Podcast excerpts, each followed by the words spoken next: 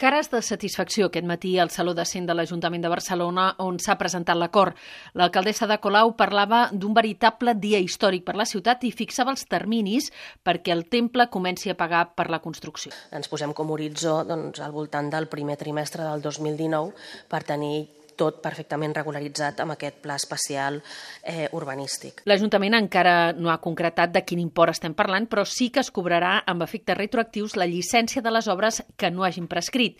Des del Patronat de la Sagrada Família, el conseller delegat Esteve Camps posava l'accent en els 36 milions d'euros que aportaran en els pròxims 10 anys, entre d'altres coses perquè es pugui accedir al temple directament des del metro. Si una paraula pot definir el present conveni és l'obertura a la ciutat amb una aportació econòmica encaminada a reduir el dèficit del transport i amb diverses aportacions encaminades a la millora de l'entorn de la Sagrada Família en benefici del veïnat.